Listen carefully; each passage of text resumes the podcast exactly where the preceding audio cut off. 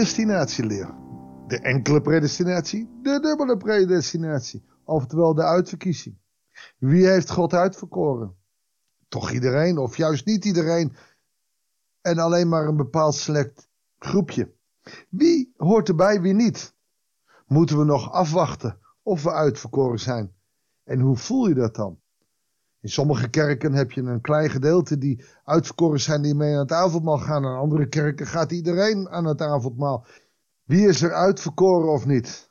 Weet je dat die predestinatieleer al heel veel ruzie in kerken, maar ook heel veel ongeloof en vertwijfeling heeft veroorzaakt? En de vraag is of je dat dan op een juiste manier behandelt.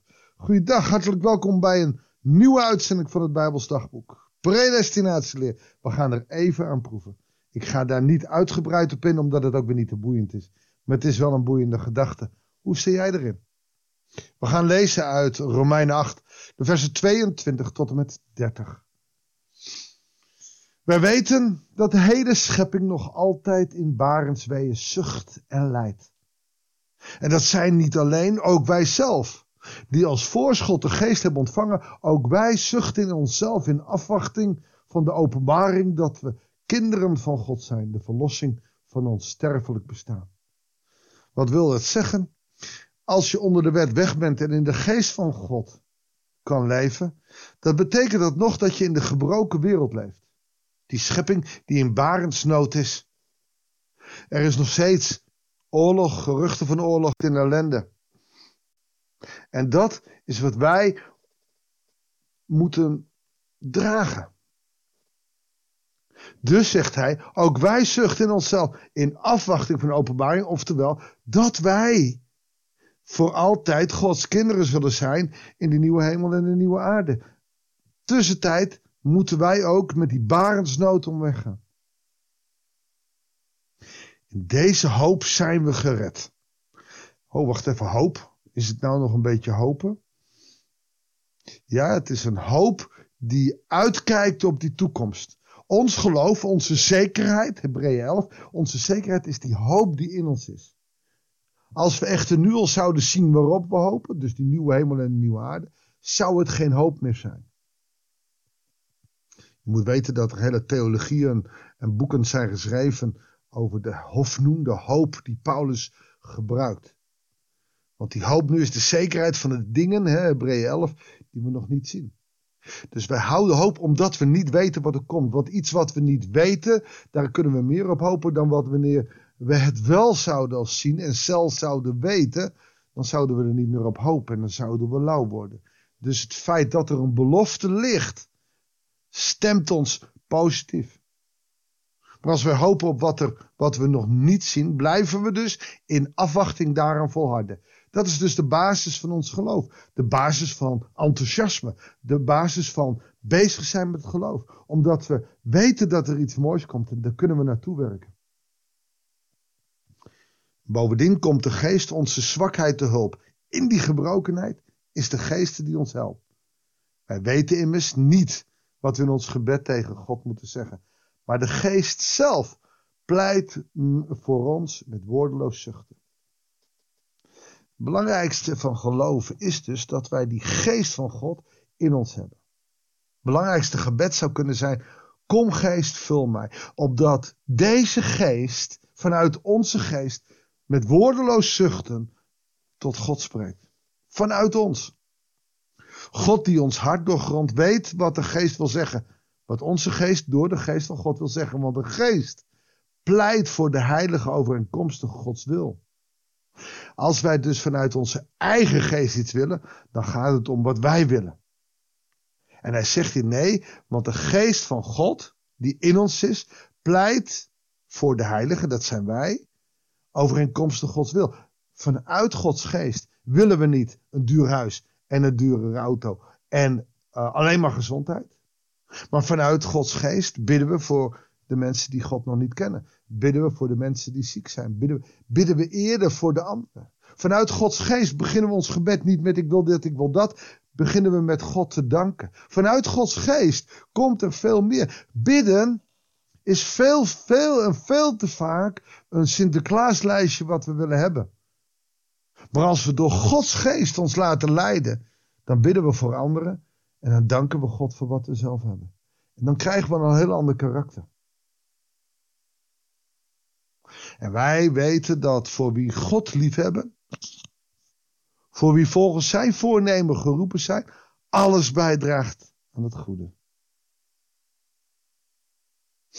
Omdat we vanuit de geest leven. Als we vanuit onszelf leeft, draagt dat niet bij aan het goede.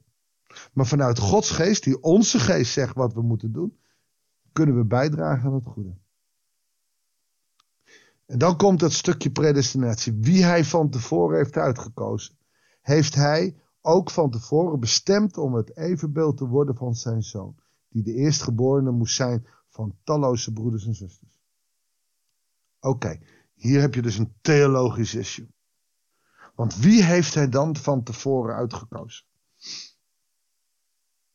In de enkele predestinatie, de uitverkiezing, is ieder mens uitgekozen om kinderen gods te worden.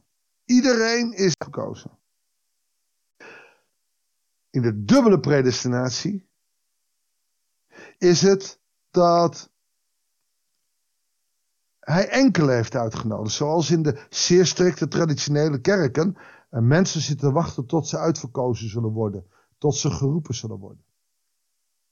Ik geloof dat God iedereen heeft uitgekozen. Maar dat de christenen de mensen zijn die dus positieve antwoord geven.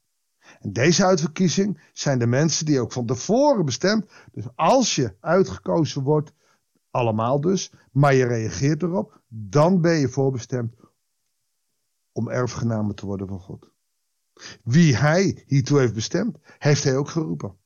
Hij roept ieder mens, maar niet iedereen heeft ja gezegd. En wie hij heeft geroepen, heeft hij ook vrijgesproken. Iedereen die antwoord geeft op zijn roeping, die wordt vrijgesproken van de schuld.